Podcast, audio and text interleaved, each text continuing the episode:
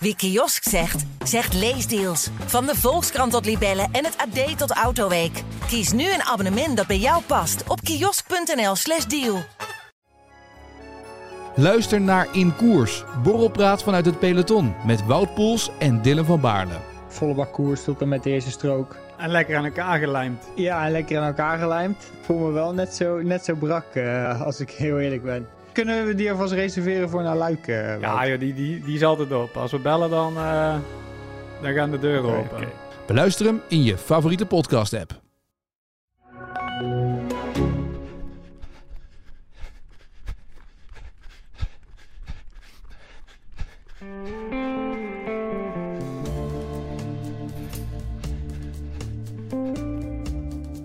Ja, tof dat jullie weer luisteren naar een nieuwe aflevering van De Pacer. Jip Vastenburg is aangeschoven en daar zijn we blij mee. 29 jaar, in 2014 vierde bij de 10.000 meter op het EK. In haar eerste jaar bij de senioren. Groot talent, veelbelovende voorbeschouwingen. Het een en het ander kwam ook uit, maar ze kukelde ook in de valkuilen van het profbestaan.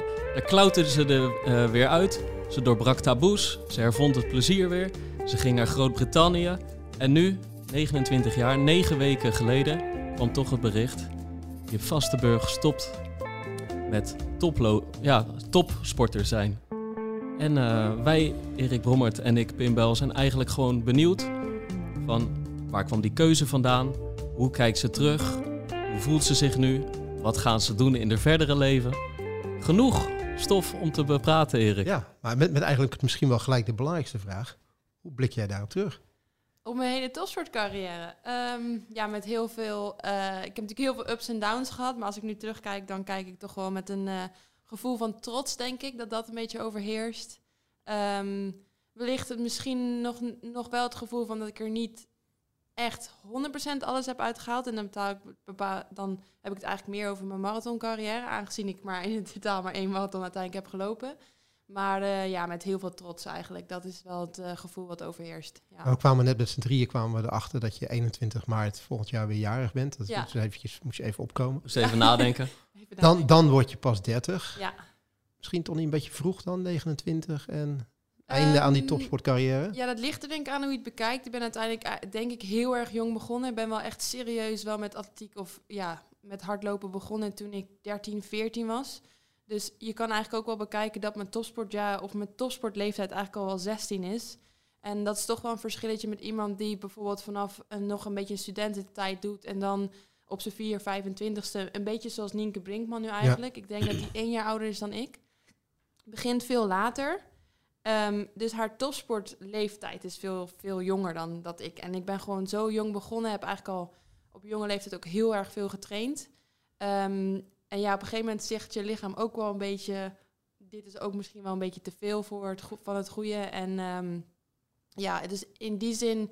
ja, ik ben misschien wellicht een beetje jong, zeker voor marathonloopster. Maar gezien mijn aantal topsoortjaren denk ik dat ik wel... Uh, heb ik het aardig uitgehouden, denk ik, ja. En het is natuurlijk... Um, uh, dit is geen beslissing van de een op de andere dag. Nee. Dit, dit speelt waarschijnlijk, maar dat moet je zelf zomaar invullen maar al twee, drie jaar in je achterhoofd en soms ook in je voorhoofd. Ja, zeker. Ik moet, moet zeggen dat misschien corona daar wel een hele grote rol bij heeft gespeeld. Dat je, ja, op een gegeven moment vallen je wedstrijden weg, um, vallen toernooien weg. En toen had ik wel zoiets van, oh ja, en nu is er even niks. En ja, maar wat wil ik dan eigenlijk met mijn leven? Wil ik hier, wil ik dit nog wel doen? En ik denk dat daar de eerste, nog niet echt twijfels, maar de eerste keer dat ik dacht van, oh ja, wat, wat wil ik eigenlijk in de toekomst en wat wil ik gaan doen over een aantal jaar?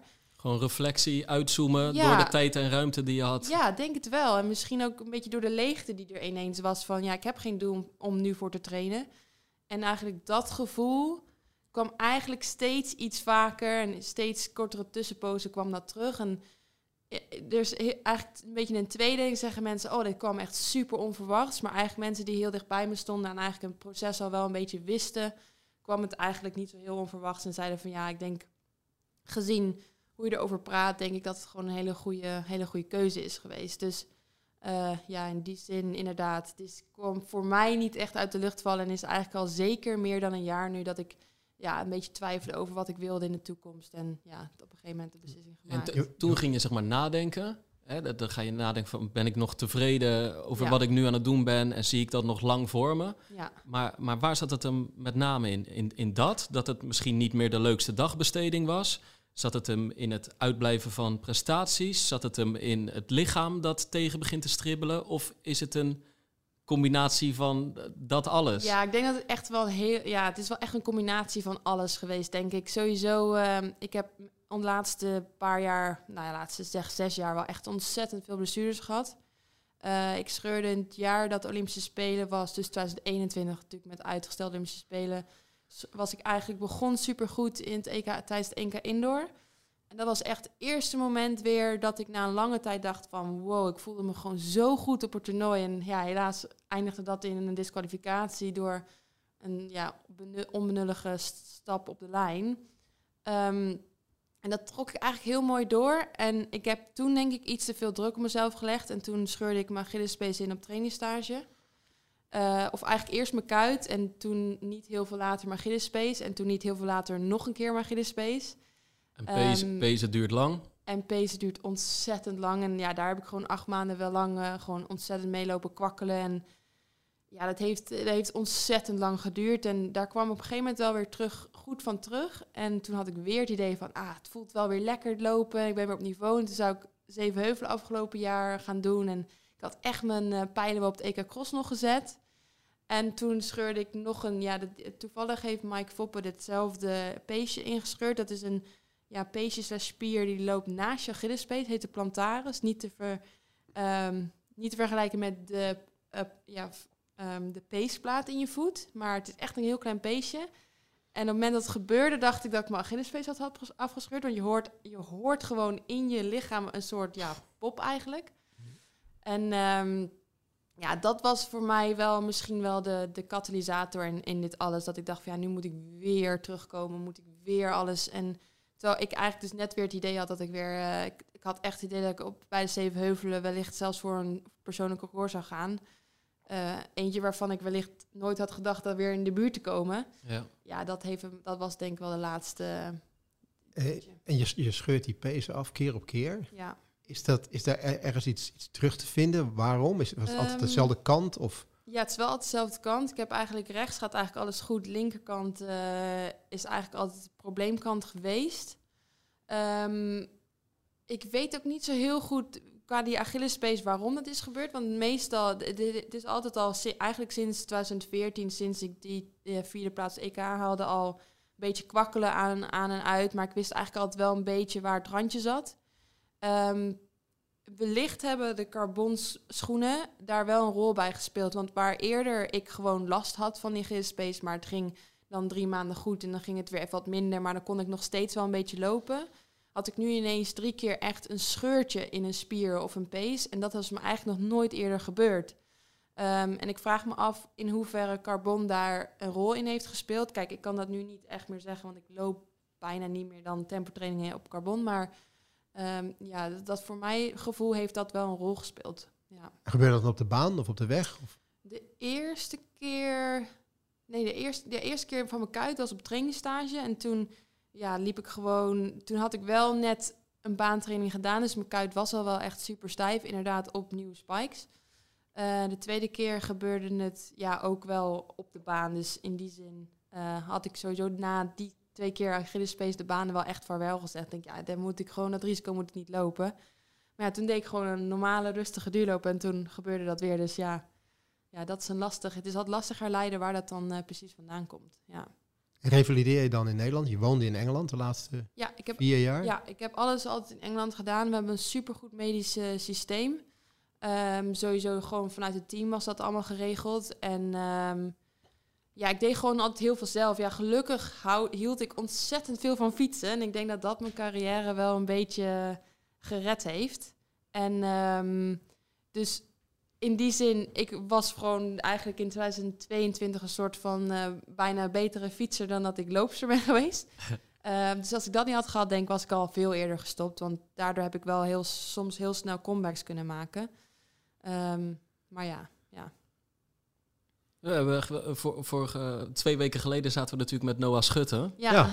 De, ook, eh, eh, dat was één revalidatie, maar daar zaten ook twee keer een eh, behoorlijke terugslag in. Of bijna weer op nul beginnen, gevoelsmatig ook, zeg maar. En dat, we- daar was ook een beetje de fiets de redding. Ja. En nou ja, die is nu Nederlands kampioen op de 10.000 Ja. meter weer geworden. Maar die, die fiets, dat is wel een Fiets ding, is hè? echt een, is echt Ja. een Ik heb. Michel Butter die me altijd achter mijn reet aan zit Ja. van eh, extra, uur- extra uurtjes Pim, zegt hij. Ja. Ja, En het, maar het is wel, eh, en ik heb nu een, eh, helemaal niet heel serieus, maar ik heb licht gevoelige Achillespezen sinds een weekje of twee. En eh, nou ja, maar gewoon volledig controleerbaar. Ja, Maar er zitten bij mij nu de komende vijf, zes weken geen wedstrijden aan. Dus ik dacht, even die loopschoenen aan de kant. precies. Ja. Op de fiets stappen. Niet het gevoel hebben dat je nu enorm veel aan het missen bent. Maar Het is wel echt, het, het begint meer dan een alternatief te worden, Erik. zeker, zeker. Ja. Maar, En mensen moeten maar nu ook niet denken dat we nu een soort van... dat we een fietspodcast gaan maken. Ja, ook dat. En er dat zijn er genoeg een, namelijk. een aflevering met Noah maken die lange tijd geblesseerd is geweest. En nu met, eh, met jou. Het zijn wel twee totaal andere verhalen even die er... eh, Ja. Zelfde die- die- die leeftijd ook nog. Zelfde leeftijd, Ja, ja. zijn Ja. dezelfde Nee, generatie. de pacer blijft de pacer. Het wordt niet de ziekenboeg of, de, of, of, of een nieuwe in het Absoluut wiel. niet, nee. Maar ehm, het, het is wel, je, je geeft echt aan van, Ja. dat is voor mij echt belangrijk geweest. Anders was het misschien al veel eerder. Ja, en eh, ik denk ook achter, als ik achteraf nu een beetje terug ga op mijn carrière. Ik heb natuurlijk, ja, normaal gesproken doe je, loop je eigenlijk zoveel mogelijk kilometers in de week. En daar ben ik altijd heel erg op gefixeerd geweest eigenlijk. Als ik nu ook terugdenk, denk ik, waarom ben ik niet eerder gaan fietsen? Ehm, niet als, als hoofdsport natuurlijk, want ik, ik wilde gewoon blijven lopen. Maar wel, eh, ik heb de laatste twee jaar en eigenlijk gedwongen, omdat ik gewoon merkte dat ik niet meer het aantal kilometers kon maken dat ik wilde ben ik de tweede training, dus de, ja, de tweede duurloop eigenlijk, ben ik op de fiets gaan doen door gewoon een uurtje te gaan fietsen. En daar denk ik wel van, waarom heb ik dat niet eerder gedaan? Ehm, want dan denk ik dat het in de, op de lange termijn wel heel veel blessures had gescheeld. Want dan heb je pezen even die 24 uur rust. Eh, en kan je, ja, uiteindelijk maakt het voor, zeker voor een rustig duurloop, ja, je hart kan niet zien of jij fietst of dat je loopt. Kijk, als je echt voor de marathon gaat trainen, moet je natuurlijk gewoon een aantal, aantal kilometers maken, omdat je aan de belastbaarheid moet wennen. Maar zeker als je dus al ge- blessuregevoelig bent, zoals ik of, of een Noah, die ook aangeeft dat hij vooral de tweede training daar dus op doet. Ja, dan is het gewoon een supergoed alternatief. En dan kan je eigenlijk meer uren maken dan dat je zou kunnen hardlopen. Want ja, die belasting kan je gewoon niet aan. En wat zijn de nadelen of de kanttekeningen? Want we hebben nu al zo vaak gehoord van mensen van... ja, het is wel echt, weet je wel, dat tweede ding of uren winnen... of je Ja. kan eigenlijk veel makkelijker jezelf heel houden. Ja, Eh, maar wat valt er nou wel voor te zeggen om wel die twee... Je geeft het al een beetje Ja. aan, wel die hardloopbelasting Ja. oefenen... wel die impact opzoeken. ja. Waarom, waarom doet niet iedereen het? En zeg maar ook vanwege een geldige reden, zeg maar. Wat, wat, wat zou je er tegenin kunnen brengen? Nou, ik denk dat niet iedereen fietsen leuk vindt. Nou, Ja. dat is ten eerste. Niet Op iedereen, zich wel een goede reden. Dat is op Ja. zich wel een goede reden. Kijk, eh, heel veel mensen doen het dan binnen op een, op een spinningfiets. Nou, ik vind dat echt super saai. Ik heb wel Zwift ontdekt, dat scheelt. Ja. Maar eh, dat is natuurlijk saaier. En ja, ik, ik hou echt van buitenfietsen. Dus ik pak mijn racefiets en ga naar buiten. Dus ik denk, dat is denk de eerste reden. Niet heel veel mensen vinden fietsen leuk. Ehm, en het is misschien wel iets minder toegankelijk dan lopen. Kijk, met je hardloopschoenen, je trekt je schoenen aan, je gaat naar buiten. En binnen 10 minuten sta je bij wijze van buiten. Ja, met je fiets moet je je fiets schoonmaken. Je moet, je moet meer voorbereiden. Dus dat zou een tweede zijn. En ik denk een derde is dat mens, sommige mensen hebben gewoon echt last van fietsen van hun bovenbenen. Of, want je, uiteindelijk gebruik je wel een iets andere spiergroep dan met het lopen. Ehm, Ja, ze, maar- ge- ze geven een beetje aan van, ik krijg er spaghetti-benen van. Ook de volgende Ja. dag, zeg maar. dat vierkante je, benen noemen ze dat een Een beetje. Ja, ja, ja. maar In het daar, wielerjargon, hè? ja, ja, ja, precies. Ehm, daar wen je wel aan. ja. Dus ik, ja, ik bedoel, kijk naar, ik, kijk- ik kijk dan een beetje naar triatleten. Ja, er zijn triatleten die bij de mannen gewoon dik onder 30 minuten lopen. En bij de vrouwen, ehm, in 2016 heb ik op de, in Rio op de 10 kilometer tijd met ehm, de Britse Beth Potter ehm, gelopen. En die is nu triathlon. En die won afgelopen weekend een wereldbeker. Ja, die kan ontzettend goed lopen. Maar die traint eigenlijk relatief veel weinig eh, loopkilometers. En Ja. toen liep ze toch op de weg liep ze 14,46 uit mijn hoofd, de 5 kilometer, als triatleet. Ja, dat is al serieus hard. ja. Dat zegt wel genoeg dat je dus echt wel met fietsen en zwemmen wellicht... Ja, ik hou niet zo van nat worden, dus, of in ieder geval zwemmen, dat ga ik niet doen. Maar ehm, dus dat zegt wel genoeg, denk ik, dat je echt wel een hoog loopniveau kan bereiken... zelfs als je niet heel veel loopt. Wat was jouw hoogste niveau? Ehm, ik denk uiteindelijk 2015 We gaan lekker van de hak op de tak, hoor. Ja, Maar, eh, precies, dat is goed. Uh, ik denk 2015. Toen uh, liep ik in Stanford de Olympische limiet 31-35. Um, samen met Suzanne, die won die wedstrijd. Ik werd derde.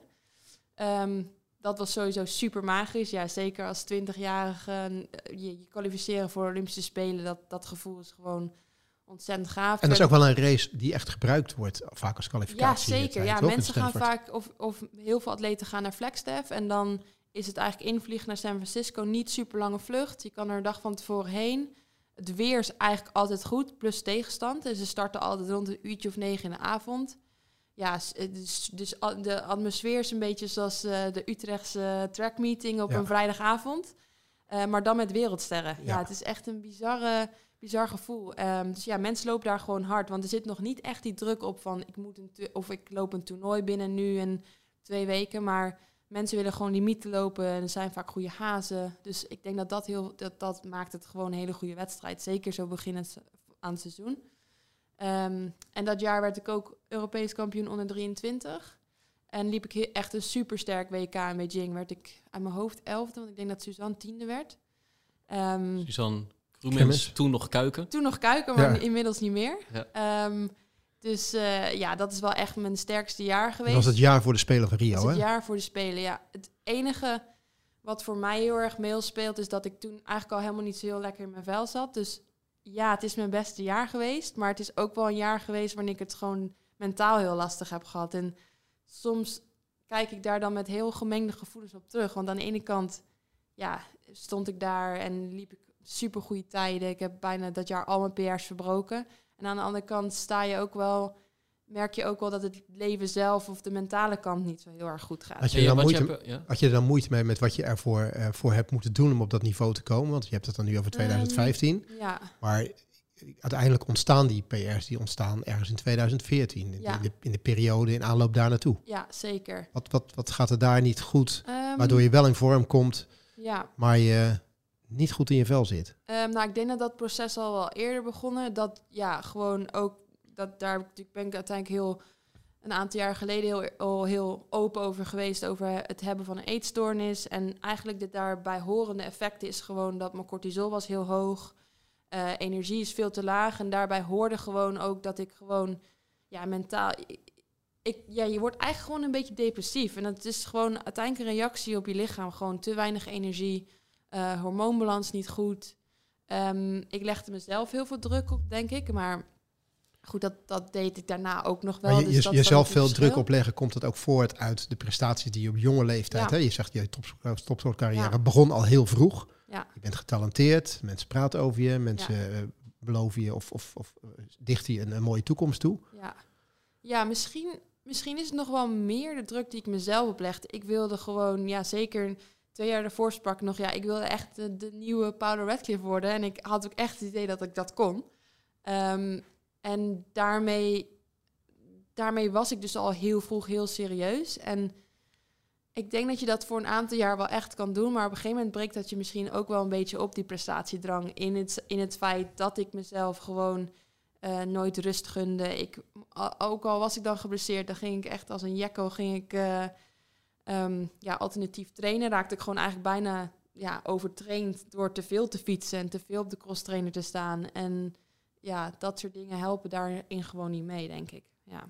Dus als je zeg maar de, de lat op zeg maar, het niveau Paula Radcliffe legt, dan leg ja. je hem ook wel echt huizen, huizen hoog, wolkenkrabber hoog. Want het, het was de wereldrecordhoudste marathon, onder ja. andere. Ja. Maar echt eigenlijk minuten beter dan de rest. Ja. Um, en de, het, het, het, het, het wrange is natuurlijk dat de kans om dat niveau te benaderen waarschijnlijk groter was geweest als je net iets minder had gedaan. Ja, waarschijnlijk net wel. iets ja. minder ver was gegaan. Ja, en ik, ik denk ook voor mij, omdat voor mij ging het de overgang van junioren naar senior gewoon automatisch. Ja, dat ik bedoel, in mijn eerste jaar als senior werd ik dus vierde op het EK. Ja, dat smaakt natuurlijk ontzettend naar meer. En achteraf had ik daar eigenlijk zilver moeten winnen, aangezien de nummer twee en drie allebei geschorst zijn voor dopinggebruik. Nou, dat is al een beetje frank, zeker nu. Ja, ja. Ja. Achteraf, omdat ik nooit meer op het, of ja, nooit meer heel dichtbij ben geweest op het, op het, op het EK. Um, maar ja, alles ging echt van een laaie dakje. En, en, en ja, ik werd alsmaar dunner in die zin. Maar daarmee ging ik dus ook harder lopen. Want ja, je, had, je hebt gewoon een gro minder grote motor nodig. Ehm, heel frank gezegd, ja, hoe lichter je bent, uiteindelijk hoe minder je kilo's je hoeft mee te nemen. Zo is het ook wel een beetje in het lopen. Alleen dat, brengt je, dat breekt je op een gegeven moment gewoon heel erg op. En daar kan je twee, drie, vier jaar misschien mee wegkomen. Maar op een gegeven moment is dat gewoon klaar. En dan, dan is het ook echt goed klaar. Dan zegt je lichaam ook wel echt stop. Ja, het is gewoon korte termijn en roofbouw. Ja. Maar korte termijn levert het tot gewoon wel wat op. Ja, zeker. maar je hebt, ook, je hebt ook trainers op dat moment. Maar je zei ook, ik legde mezelf heel veel druk op. Ja. Waar was, de, waar was de balans dan tussen de mensen die jou op dat moment begeleiden en jouw eigen wil en, en drang om Ik denk dat ik daar ook wel het meest mee zat is, of tenminste toen het, toen het stuk in de uh, uitkwam, daar, had, daar zei ik ook van ja, waarom heeft niemand om me heen iets gezegd? Dat is, daar moet ik wel nuance in zeggen, want uh, ik liep bijvoorbeeld ook bij een sportarts en die zei elke keer na mijn bloedtest wel van ja, je krijgt niet genoeg energie binnen. We kunnen het zien in je bloedtest.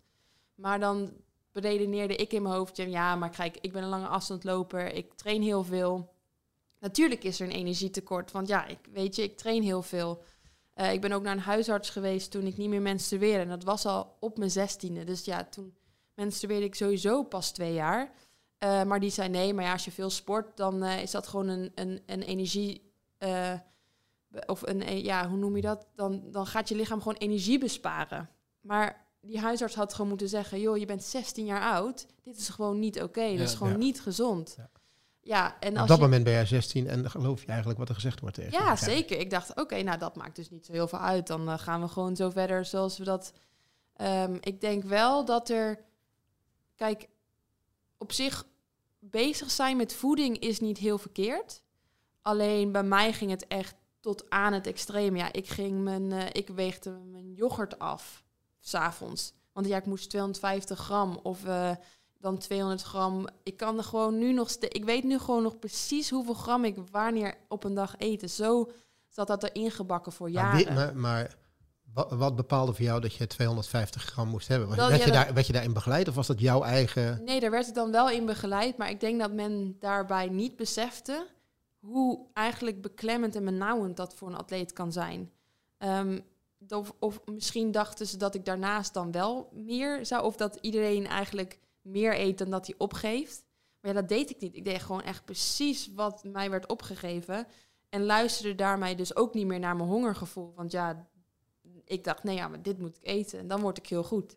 Ja, en als je dan zo, zoveel druk op jezelf legt, maar ook gewoon zo'n ja, innerlijke drive hebt om de beste van de wereld te worden, ja, dan, dan doe je dat ook gewoon. Dus uh, waar ik na de EOF werd er nog een grapje over, of niet een grapje, maar was het nog een nieuwsitem dat ik dan na de EOF had ik dan een bronzen medaille gehaald. Dat was in 2011, dus was ik nog maar, ja, hoe oud zou ik zijn, 16, 17 jaar. Dat ik dan Pringles na de wedstrijd kon eten, want dat deed ik dan de hele ja, aanloop naar die wedstrijd deed ik dat dan niet. En er was nog een nieuwsitem. Ja. Maar nu denk ik, ja, eigenlijk van de zotte dat een meisje van 16 gewoon maandenlang geen snoep, niet snoept of niks eet. En dan als beloning een bakje Pringles krijgt. Ja. als ik daar nu over nadenk, denk ik, nou, dat is echt... Waar gaat het over? Ja, ja. Het is, uh, zeg maar... Um, het is eigenlijk gewoon bijna verdrietig dat je daar een paar jaar in hebt gezeten. Hè? in zo'n in zo'n molen waar je niet uitkomt. En dat je denkt dat het zo moet. Bang bent om een grammetje te veel te wegen. En dat het uiteindelijk ook op langere termijn uh, geluk en prestaties in de weg heeft. Uh, ja, zeker. Want als ik nu kijk, terugkijk, denk ik, ja, als iemand me vraagt, nou, wat is je beste jaar, zeg ik, nou, met stip op nummer 1, 2006, 2015. Maar als je vraagt van, ja, wat was je leukste jaar, dan zeg ik, ja, de afgelopen vier jaar in Engeland. Want daar heb ik, ben ik gewoon zo tot bloei gekomen als, als Jip. En niet meer als Jip de atleet, maar gewoon het hele plaatje. En ja, misschien niet eruit gehaald qua lopen wat ik denk dat er nog in zit. Maar ik had dit voor geen goud willen missen. Want dan had ik niet de persoon geweest die ik nu ben. Waar ik echt ontzettend trots op ben. En waar ik, waar ik van, ja, die kan de rest van haar leven. Heeft ze, iets, heeft ze zich tot iets ontwikkeld waar ze iets heel erg aan heeft. Ja, Persoonlijke groei. Ja, precies. Ja. ja. Als je dan even die 2015, hè, je, je, je, hebt daar je, je loopt daar je beste tijd, je kwalificeert je voor de Spelen. Hoe, hoe ziet dat, hoe, kan je dat omschrijven? Hoe ziet dat eruit dat je aan de ene kant heel blij bent, je loopt een PR, je kwalificeert je voor de Spelen. Ja. Tegelijkertijd realiseer je jezelf ook, zit niet lekker in mijn vel. Ik, ik gebruik altijd een voorbeeld dat... Um, ik ben toen uh, naar het EK onder 23 geweest in Tallinn. Dat ligt in is Estland volgens mij. Ja. Ehm, daar sliep ik op de kamer met Anne Luiten. Nou, Anne Luiten laatste jaar Nederlands eh, kamp- Nederlands Nederlands kampioen, de Rotterdam. Eh, echt loopt super goed. zij liep daar de vijf kilometer uit mijn hoofd en werd, nou, volgens mij iets van elfde. Ik weet, dat weet ik niet meer zeker, maar was niet super blij met haar prestatie. En ik had een aantal dagen daarvoor dus goud gehaald op de 10 kilometer. En op een gegeven moment zaten die laatste dag zaten we op haar op ons bed. En ik was aan het huilen, want ik voelde me zo slecht. En ik had een, eigenlijk een peesplaatblessure en eigenlijk al een beetje een slepende... dat al, al een tijdje door aan het sukkelen was. En zij moest mij troosten, Je had de gouden ik daar met een gouden medaille op mijn schoot zat. Ik denk dat dat wel een beetje aangeeft eh, hoe geluk aan de ene kant helemaal niet gelijk staat aan de prestatie die je levert. Want ja, Anne was teleurgesteld over haar eigen race. Liep, liep misschien niet wat tot ze zou kunnen. Ik had een gouden medaille gewonnen, maar ik was degene die, aan het die huilend op het bed zat. Eh, en dat moment staat me nog zo bij. Want daar, als ik dacht achteraf nu op terugkijk, denk ik, ja, maar hoe gelukkig was je dus eigenlijk? En hield je dat voor, je, hield je dat voor jezelf? Bleef dat binnen die, binnen die kamer? Ja. Communiceerde je daarover met je coach? Of? Nee, nee, ik heb daar eigenlijk nooit echt over gepraat. En mensen vroegen dan ook wel van, ja, hoe gaat het met je? En dan kon ik wel een beetje een soort masker opzetten en de blije jip uithangen. Maar diep van binnen was ik dat niet. Ik denk dat mijn ouders het altijd wel gezien hebben, maar die wisten, die zeiden wel van, goh, ga eens met een psycholoog praten, doe eens dit, doe eens dat. En dan zei ik, ja, maar ik ben niet gek. En dat is eigenlijk heel gek voor iemand die psychologie gestudeerd heeft en toen al studeerde. Ehm, dus dat ik het gevoel had van ja, maar dat heb ik helemaal niet nodig. Want kijk nou, ik loop toch hard. Dat heb ik allemaal niet nodig. Dat gaat hartstikke goed. Maar ja, dat was gewoon een masker die ik opzette. En eh, op het ene moment kon ik heel blij zijn. En tien minuten later ja, zat ik weer huilend aan de telefoon. Dus ja, mijn ouders hebben het wel gezien. En eh, daar denk ik nu ook wel van ja, dat moest van, is voor hun wel een heel moeilijk moment geweest. Ja. Ja.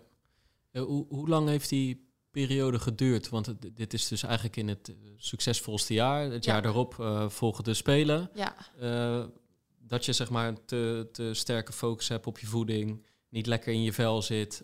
W- beschrijf die fase eens. Ehm, nou, ik ben in sowieso in 2016... Periode eigenlijk. ja. En na de Spelen in Rio ben ik van coach veranderd. Toen ben ik bij Geet Koens gaan trainen op Papendal toen nog. Eh, ja, dat heeft wel de hele mindset... ehm, heeft, dat, heeft dat veranderd. Ik eh, sowieso hebben toen zijn we veel meer gaan focussen op... oké, maar hoe word ik een gezonde atleet? Want had zij Ehm. het meteen door? Want wij hebben eerder een keer eh, bijvoorbeeld met Bart van Nuenen ook gesproken, die Ja. ook open is geweest over, ja, kan ik zeggen, vergelijkbare. ja, zeker. toch? Ja, ja, ja. vergelijkbare ja, Ja, situatie. ja. En, en eh, Grete zei gewoon tegen Bart eh, van je bent veel te slap, het lichaam klopt niet, je moet Ja. robuuster worden, je moet eh, aankomen, eten, energie eh, tot je nemen en krachttraining gaan doen. ja. Ehm, en dat heeft uiteindelijk tot een duurzame topsportcarrière en mooie prestaties geleid. Maar eigenlijk, eh, Greet heeft tegen jou min, bij jou min of meer hetzelfde gezien. Hè? Van we moeten Ja, jou eerst gewoon weer gezond gaan maken. Toevallig kwamen Bart en ik op de, volgens mij in hetzelfde jaar bij Grete. Dus we allebei na de Spelen van Rio. Ja. Ehm, en ik denk dat het toen nog, als je dat vergelijkt met nu, was er nog ook veel minder bekend over die hele, ja, dat hele Red S-verhaal. Ehm, het staat voor Relative Energy Deficiency. Dus het is, ze zeggen niet echt een eetstoornis. Nou, nu denk ik dat bij mij wel echt zo ver gevorderd was dat ik eigenlijk al wel echt een eetstoornis heb gehad. Dat durf ik nu al echt wel, te zeggen. Ehm, maar er was toen nog niet zo heel erg over, over bekend. En ik denk dat Grete daar toen al best wel ver op vooruit liep. En ehm, daar al veel meer over gelezen had. Dus eigenlijk ja, het eerste ding wat we gedaan hebben is... oké, maar hoe... Je moet gewoon... De energiebalans moet gewoon weer terug. We zagen eigenlijk... Nu zagen we dus dezelfde bloedtesten. Maar Grete zei, ja, maar dit klopt niet. Dit is niet goed, we moeten hier wat aan doen. Alleen, als moment dat je zo'n proces ingaat... tot het moment dat je daar resultaat van ziet, duurt heel lang. Want wel, ik weet nog goed dat we ergens op een gegeven moment liep ik een training... en toen daarna, ik was echt, voelde me super sterk. En toen zeiden we eigenlijk allebei van ja, ik voel me super sterk. En eigenlijk alles, voor mijn gevoel klopt alles weer een beetje in mijn lichaam. Maar ik werd nog niet ongesteld. Maar het heeft dus nog zeker anderhalf jaar geduurd voordat mijn lichaam zich daar weer op, aan, op, op een nieuwe ja, energieniveau kon aanpassen. Eh, en dat zegt ook wel misschien wel over hoe ongezond het is. Dat je lichaam anderhalf jaar nodig heeft om een energiebalans die al lang weer goed is, zich weer te kunnen herstellen. Ehm, dus in, in- ja, wij, wij zagen dat, daar pas eigenlijk anderhalf jaar daarna pas eh, resultaat van. Ik denk alleen dat ik eh, nog niet echt mijn geluk had gevonden in die tijd. En uiteindelijk daarom ook een keuze gemaakt om naar Engeland te gaan. En dat was, niet, dat was helemaal niet vanwege Greta, want ik geloofde echt helemaal in haar training. Maar ik, moest, ik was gewoon echt toe aan, aan iets echt compleet nieuws. Welk jaar was dat, dat je naar Groot-Brittannië bent Ehm, gegaan? Even, uit mijn hoofd 2019. Ja, ja. Of 2020, maar dat weet ik niet meer. Ja. Maar nog even, even terug naar dat, naar dat moment dat je zegt van het lijf heeft anderhalf jaar nodig gehad. Ja. In die anderhalf jaar heb je wel getraind. Ja. Heb je misschien ook wedstrijden gelopen. Voelde je, het, voelde, je het, voelde je lichamelijk gewoon het verschil dat het lijf aan het veranderen was? Eh, ja, zeker. En, en wat, Ja. eh, hoe merkte je dat? Wat is het? Ehm, ja, gewoon mijn hele. Kijk, me ge- sowieso voelde ik me sowieso gelukkiger. Ik had minder echt diepe dalen ehm, of hoge pieken, want daar ging het bij mij eigenlijk om. Ik was gewoon of ik zat echt super hoog ehm, in energie en alles was goed, alles ging goed, maar goed daarna ging het dan ook weer heel slecht. Dus we zeiden eigenlijk, ja, je moet eigenlijk wat vlakker worden. Gewoon dat alles gewoon normaal gaat. Het is oké om gewoon alles dat het normaal gaat. Ehm, dus, dus dat ging eigenlijk al heel goed. Eh, toch minder blessures in die periode. Ja, je hebt, ik heb. Blessures staan een beetje inherent met hardlopen. Je kan er denk ik niet helemaal uit de weg gaan. Eh, maar gewoon minder blessures. Ehm, en ik liep ook wel gewoon. We hebben uiteindelijk in 2017 hebben we wel in de zomer gezegd van ja, we moeten gewoon een keer een jaar overslaan. Want eigenlijk was ik vanaf 2011 elk jaar had ik eh EK Cross. Ik had elk jaar had ik een belangrijk zomertoernooi. En toen hebben we in 2017 gezegd, toen was ik al gekwalificeerd voor het WK in Londen. En toen hebben we gezegd van, dat gaan we niet doen. We gaan je, je geef jezelf even rust. Ja, en toen liep ik op de halve marathon 1.11. ehm liep ik Dam te Dam super hard. Ehm, dus ja, toen had ik een heel goed najaar. Ehm, en daar merkte ik eigenlijk wel aan dat we wel de goede weg in waren geslagen. En het is ook, denk ik, in, in die jaren dat je eigenlijk, je, je begint je weer gezonder te voelen. Ja. De, eh, je gelooft in de aanpak van Grete Koens. Je, je hebt de moeilijkste periode achter je gelaten eigenlijk. Ja, Eh, dat je besluit, ik ga, ik ga hier gewoon over praten. Want, want eh, vijf minuten geleden hier zei je nog van... ja, mijn ouders wisten eigenlijk niet eens hoe slecht het met me ging. Eh, in sommige fases. Ehm, eh, en, en, wat, en, en nu merken we hoe makkelijk je erover praat. En we Ja. hoeven bijna geen vraag te stellen. Of je, of je vertelt gewoon over echt de diepste dalen, zeg maar. En wat ons betreft zijn er ook geen taboes. Maar voor het brede publiek zijn die er soms wel. ja. Wanneer besluit je, ik ga met dit verhaal naar, naar buiten komen? Ook echt over, over eetstoornis, menstrueren, niet menstrueren, ongelukkig zijn. Ehm, dat was eigenlijk al toen ik al in Engeland zat. Toen eh, op een gegeven moment eh, kreeg ik dus een belletje van Grete. En die zei van, goh, ehm, dus ze, willen... Ik denk dat men wat geluiden had opgepikt over... Bij de, of bij de, binnen de journalistiek, dat er gewoon wel binnen de sport wel echt problemen zitten in... ehm, ja, met, met inderdaad taboes over eetstoornissen, over prestatiedrang. ehm nou, een beetje dat soort ehm, ja, onderwerpen eigenlijk. En toen, ik weet niet hoe dat uiteindelijk bij G terecht gekomen, maar die zei van, goh, zou jij het oké vinden als iemand jou daarover belt om een interview te doen? En toen zei ik, ja, weet je, natuurlijk. Ik was toen al, ik was toen echt oprecht gelukkig. En ik wil, wilde gewoon, al zou ik één iemand met mijn verhaal kunnen helpen om dit te kunnen voorkomen, dan is dat voor mij al zo ontzettend belangrijk. Ehm, dus ik had zoiets van, ja, daar moet ik gewoon iets mee gaan doen. En toen kwam het verhaal. Ik had eigenlijk, daar moet ik heel eerlijk zeggen, niet verwacht dat het zo zou, nou niet opblazen, maar dat het zo groot zou worden.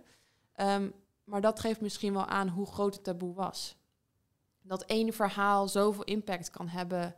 Eh, Ik bedoel, ik heb uiteindelijk bij op één gezeten hierover. En denk ja, maar hoe kan het dat maar dat één verhaal hierover dat dus het is denk ik ook zoveel groter dan dat wij denken. En, en ook nog, nog steeds. We, denk, we denken dat we er al zijn, maar dat, daar, zijn we, daar zijn we nog lang niet. Dus ehm, ja. Het is wel, eh, ik wil je toch even een compliment geven, want wij kennen elkaar eigenlijk helemaal niet goed. Want ik heb je wel eens bij Egmond zien lopen, en, eh, maar we zijn elkaar op toernooien ook denk ik gewoon regelmatig misgelopen.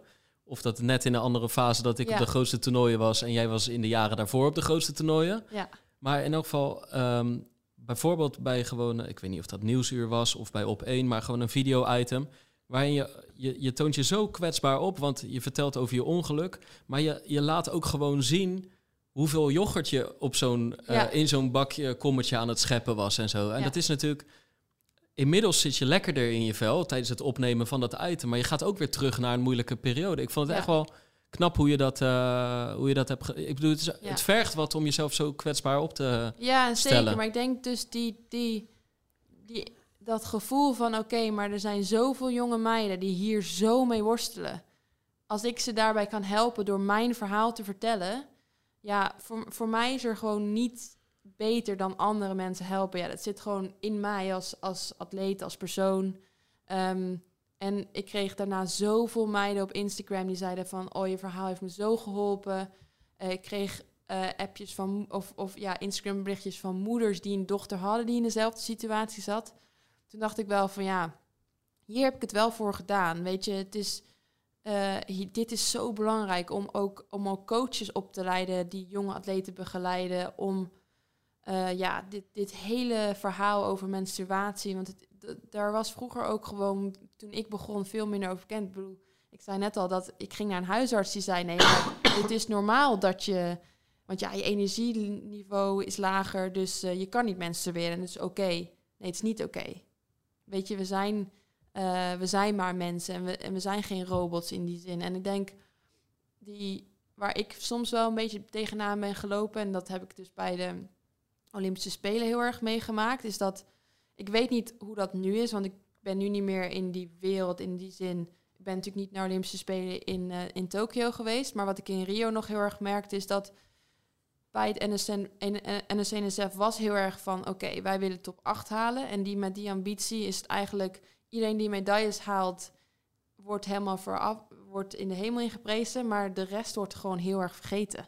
Maar er is een hele grote groep die daaronder zit, die misschien een teleurstellende Olympische Spelen heeft meegemaakt, of dus in mijn geval niet gelukkig is. En die groep doet er heel vaak gewoon niet toe. Daar wordt niet aan gevraagd, hoe gaat het met jou? Nou, dat was ook een beetje de vraag die ik wilde stellen. Jij neemt eigenlijk volledig verantwoordelijkheid voor, ehm, voor datgene wat je, wat je gedaan hebt in je topsportcarrière. hè? Want Ja. je zei van, hè, mijn, mijn drang en wa- was hoog en alles. Ja. Heb, je het, heb je het gevoel dat er binnen, binnen coachingsteams nu ook daar zelf meer in verantwoordelijk, verantwo- verantwoordelijkheid in wordt genomen? Want jouw tijden, eh, die, die, die gaven alleen maar aanleiding toe van, nou ja, goed bezig. Maar tegelijkertijd, hè, jij Ja. bent niet gelukkig. ja. Dus, maar dat moet ook opgemerkt worden door, door, door coaches en Ja, door coachingsteams. Is, is dat was toen misschien niet? Is dat, heb je het idee dat het nu veranderd wordt? Dat Grete merkt het gelijk op, Ja, pakt het aan. Ja. Het is natuurlijk Durft, ook heel... durf je ook weg te houden op een groot toernooi? ja Terwijl coaches ja. ook afgerekend worden op, Ja. op deelname van, van, van hun atleten op toernooien. Ja. Dus ook een coach dient verantwoordelijkheid te nemen in deze. Ja, zeker. Maar je ziet nu sowieso bij grote ploegen al, al vaker dat bijvoorbeeld dat een psycholoog gewoon onderdeel is van een, een teamstaf. Nou, voor mij is dat dan ontwikkeling dat, waarvan ik denk van ja, weet je, ik, ik luister wel eens naar andere podcasts en eh Demi Vollering voor dat is een, denk ik een heel goed voorbeeld die misschien een beetje aanhikte tegen het absolute wereldniveau. Nou, dat had ze natuurlijk al. Maar nu door, door gewoon erover te praten met een sportpsycholoog, is ineens veel beter. Is is ze gewoon echt de allerbeste. Er was toch iets in haar hoofd die, die dat haar tegenhield. En dat gaat dan misschien over de prestatieskant van dingen. Maar het feit dat mensen naar een psycholoog toe gaan om daarover te praten, ja, voor mij is dat al, dat is denk ik wel echt anders dan, dan toen ik nog begon. Ja. Ja. ja, zeker. Want, en en ja, om jou aan te vullen, Erik. Het is natuurlijk zo versplinterd. Er zitten zoveel profs bij net een andere coach, in net een andere omgeving. Alleen eh, daarom is het misschien in elk geval belangrijk dat die coaches onderling Ja. contact hebben. Dat er dagen bij de bond zijn, dat Ja. de bond er kort op zit. En dat er dus ook, dat, dat, dat merk ik als journalist heel erg, want dat sluit best wel aan bij wat jij net zegt. Ja, de- loservlucht, kijk, die term hebben we natuurlijk zelf ook een beetje opgeplakt. Ja. Maar als je gewoon echt inzoomt op wat dat behelste, de medaillewinnaars mochten blijven en de rest mocht ophoepelen. Ja. Dat was wel echt een beetje zo. En, en, en, en wat ik heel erg merk als je een half jaar na de Spelen topsporters belt die op de Spelen stonden, kijkt de helft erop terug, zo van ja, ik weet het niet. Zo, zo tof was het niet. Of Ja. ik- het, het, het, het moest het hoogte, hoogtepunt zijn. Zo heb ik er altijd over gedacht, hè? de Olympische droom. En toen was ik er. Ja, was dit het nou? En eh, Nou ja, eh, met eventueel zelfs een soort zwart gat waar je, nou, je erin kunt. En er moet ook een soort begeleiding, niet alleen vooraf, van hoe krijgen we jou daar in de beste vorm, maar ook gewoon achteraf van, hey, hoe gaat het nu met je? Ja, ja, en zeker. En dat wordt vergeten voor de mensen die dus geen medaille halen. Eh, Ik bedoel, als je aan mij vraagt, ja, wat is je dieptepunt in je carrière, zeg ik toch echt Olympische Spelen. Ik weet gewoon de helft, weet ik niet meer. Het is gewoon ergens weggestopt in een hoekje. Ehm, en ik weet het gewoon niet meer. Ik weet gewoon van de helft van het hele toernooi niet meer wat er gebeurd is. Eh, ik weet voor, voor, voor, voor Maureen Kosters hetzelfde. Die zat ook niet helemaal lekker in een vel. Eh, we waren allebei een beetje... Op een gegeven moment zaten we bij de McDonald's... zaten we een burger te eten. Dat we echt allebei zo'n... Ja, een beetje een apathisch gevoel. Van ja, we voelen niks eigenlijk. Terwijl wat je zegt... De Olympische Spelen moet het hoogtepunt worden van je carrière. En voor mij is het absoluut het dieptepunt. Ja. Ja, dat is gewoon... Ook wat je zegt met de nazorg. Er is, er is gewoon niemand die daarna aan je vraagt... Oh, maar hoe gaat het eigenlijk nu met je? Of... eh, eh, heb je wel eens gedacht om heel even twee maanden even vakantie te nemen? Want ja, weet je, de EK Cross staat weer in december voor de deur. Eh, waar je dan weer voor wil gaan trainen. Terwijl, ja, neem maar eens gewoon een keer wat rust. En neem maar eens vakantie. En of, of inderdaad, is er iemand bij de CNSF die gewoon daar een, een soort baan van kan maken van... Ga maar eens na hoe iedereen zich voelt. Of ja, het Nou, is zeker de- lastig. Chef nazorg. Ja. Ja, chef nazorg. Maar ook de, de eisen voor deelname aan de Spelen zijn natuurlijk heel hoog. ja, Zeker in Nederland heel ook. Je, je, ja. komt, je komt er niet zomaar. Dat betekent gewoon dat je er heel veel voor moet laten. ja, En op het moment dat je dan op dat, op dat moment niet helemaal kunt brengen wat je moet brengen, ja. Is het ook echt wel een mentale aanslag voor een, eh, Ja. voor een atleet. En, eh, en nou ja, na, nazorg is inderdaad eh, niet zo gek, want de uiteindelijk... Meeste, de meeste atleten verliezen ook nog eens hun status na de Olympische Spelen. Want op het moment dat je je plaatst voor Olympische Spelen, dan krijg je automatisch een A-status. Dan krijg je gewoon ja, maandelijks inkomen. Op het moment dat je dan op de Spelen zijn geweest, het maakt niet uit of je er geweest bent eh, of niet, dan verlies je sowieso weer je A-status. Want de Olympische Spelen zijn ver, ver- geweest. En nu snap ik, topsport is, kijk, ik ben, ik snap, topsport is hard. Weet je, het is gewoon een, echt een scheidslijn van je bent goed genoeg of niet. Maar er zit geen middenweg tussen.